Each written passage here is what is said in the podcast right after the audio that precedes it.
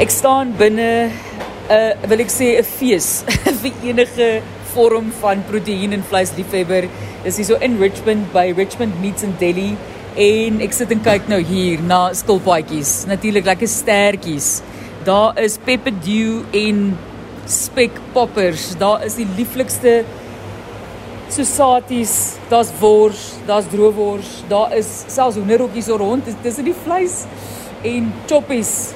Die die seker van die beste, dit moet sekerlik van die beste vleis in die wêreld wees en Marie Visserle is die mense agter hierdie inisiatief en ook mense wat deesdae as 'n ou kom jag, sy vleis vir hom verwerk. So Marie, waar kom jou agtergrond van hierdie kennis en en om van met vleis te werk vandaan?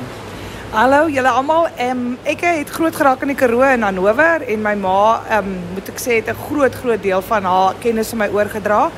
En dan leer ek definitief by Annetjie Rendels, nê. Nee, haar boeke is absoluut vir my die beste ding ooit en ek het so baie geleer deur net deur daai boek te werk en te werk. En net met wilsvleis is my lekkerste vleis in die hele hele wêreld. Ek uh, ruil my wilsvleis vir enige skaapchoppie enige dag. Ek wil met jou so sterk daar saamstem. Baie baie lief vir die geure. Hier's nou selfs 'n lasagne wat jy uh, wat jy ook maak en pastai, lampastai, steak en 'n niertjie pastai en Annetjie staan hier links en kom wys my alles ek wil alles koop. Ek gaan nou hier deurdraf en my inkopies doen. En julle biltong en so aan, waar kom julle vleis vandaan? Is dit plaaslike boere? Al ons wild koop ons plaaslik by die boere hier in Richmond en dit is vir my nogals regtig lekker om dit so by hulle te kan koop. My beesvleis kom van Kimberley af. Ons probeer daar ook regtig die beste produkte kry wat ons kan kry en dan ons lam en vleis kry ons in daar by die abattoir. En ek koop ook by die boere um lam en skaapvleis lokal. Ja, so ons probeer alles regtig net uit die Karoo doen behalwe die bees probeer ons nou maar net 'n baie goeie kwaliteit van bees inkry. Die wild kan ek nie vra vir beter wild as net hier in Richmond hier nê. Ehm um, ja, dit is ongelooflik die wildsvleis wat ek inkry en die jag. Dis is nou seker maar 'n Karoo boer se ding. Hulle jag bitterlik goed. So my goed kom so mooi geskiet hier aan en ek is so dankbaar daarvoor. En dan ja, ehm um, die ander een van die wild is ook wat ek ook maar baie by Annetjie geleer het is om hulle 'n redelike tydjie te laat hang. En as ons ook die wild werk vir ander buitejagers, jagters, verkies ons dat hulle wild in die velle kom want dan kan ons dit 'n langer rukkie laat hang en dan kan ons dit beter beheer. En ons vat dit eers plaas toe. Dis ek in die voordeel daarvan want ons mag mos nou nie goed met velle hier in die slaghuis inbring nie en dan kan ons lekker die velle aftrek by plaas en die wild inbring en so hou ons die chain ook net gesond en reg. Sjoe, fantasties. Harde werk natuurlik en dit regeer jou lewe, ek is seker. Wat koop die plaaslike inwoners en wat koop die toeriste soos ek? Die plaaslike inwoners hou maar van 'n skaap. Ja, hulle hulle is nie so mal oor 'n lam nie, hulle is mal mal oor 'n skaapchoppie. En dan hou hulle baie van 'n 'n beesbiltong. Hulle hou van 'n vet beesbiltongie.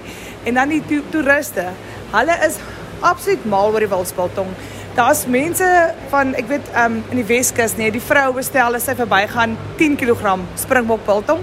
Dan gaan sy vir 3 weke weg een kant toe dan kom sy weer verby en dan na daai 3 weke soek sy weer 10 kg springbok biltong nê so daar's die die wilsbiltong moet ek sê is baie baie gewild by die toeriste.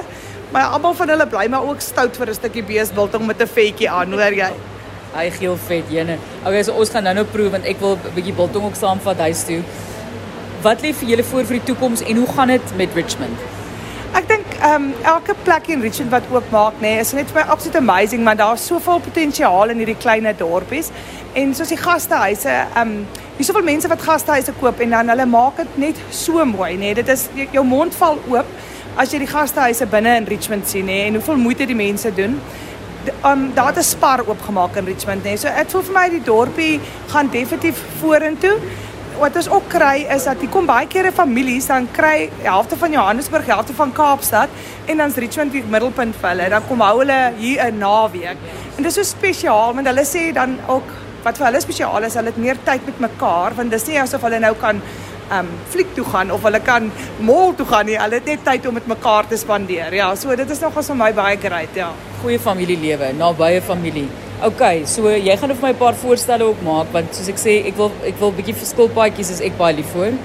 En dan gaan ons ek wil ek 'n worsie en 'n choppie en wild ek wil eintlik alles koop, maar ons iewers moet ons dink aan plek en ons gaan ook nou by Annetjie weg, so jy weet jy gaan dalk moet pak. So wat sal jy voorstel is die lekkerste ding vir my om saam te vat dat jy nie sommer ook in die Kaap kry nie? Wat ek vir jou gaan voorstel is definitief dan die ehm um, wild societies wat jy nie sommer daar sal kry nie. Ek het toevallig, ek kan nou vir jou vinnig 'n storieetjie vertel van 'n tannie wat my kinders rondry in die Parel, tannie Kowie. En ehm um, nou dag wou ek net vir haar dankie gee en ek gee toe vir haar 'n pakkie van die wild societies en ehm um, sy stuur vir my 'n boodskap op voice note nê nee, en sy is in 'n hysteriese toestand want waar kry sy hierdie en wat het sy nou eintlik geëet?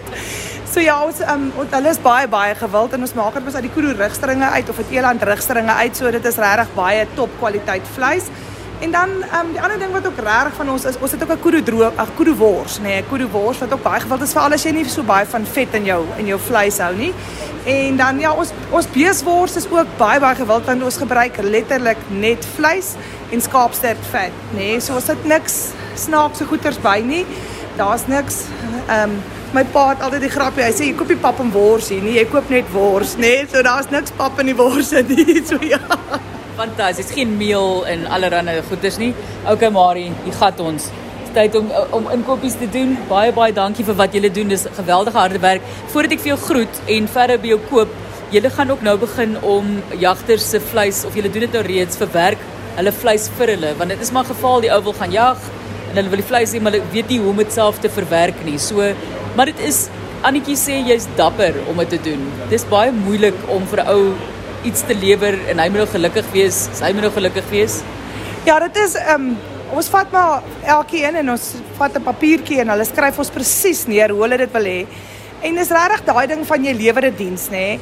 Ehm um, so as hulle nou die een ou het eendag vir my gevra, hy het my 'n bles ag 'n wilde bees skiet of hy vir my die hele wilde bees in kan chili bite sny. Ek het amper my asem verloor. dit was Maar hoe durf jy? maar ek het gedink as dit moet sal ek dit maar net eenvoudig doen want ja, dit is mos 'n besigheid hierdie waar jy mense dien. Ehm um, so ja, ja, ons probeer ja, ons probeer regtig om mense te dien en ehm um, goed vir mense te maak soos wat hulle dit wil hê. Ehm um, ek is ons is nou die week deur 'n redelike klomp wild en die een ou het baie baie hoë cholesterol. So hy het vir ons gevra. Hy ons moet vir hom hamburger patties maak. Hy wil geen vet hê. Hy wil net sy wildsvleis in daai patties gehad het. En daai patties is so mooi. Ek was so so beïndruk met want ek het dit nog nooit gedoen nie. Ek het nog altyd vet bygesit. En vir die eerste keer het ek dit gedoen en ek kon nie glo die geur wat in daai in daai patties was nie. Ja, ja. Okay, ek wil ook dit doen.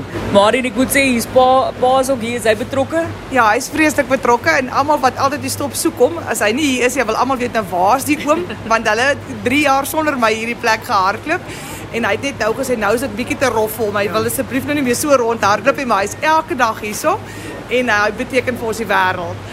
En laastens net die mense wat vir jou werk is vir jou 'n teerpunt of 'n 'n sagte punt um, in jou hart want jy sê dis wonderlike mense wat jy by betrokke is.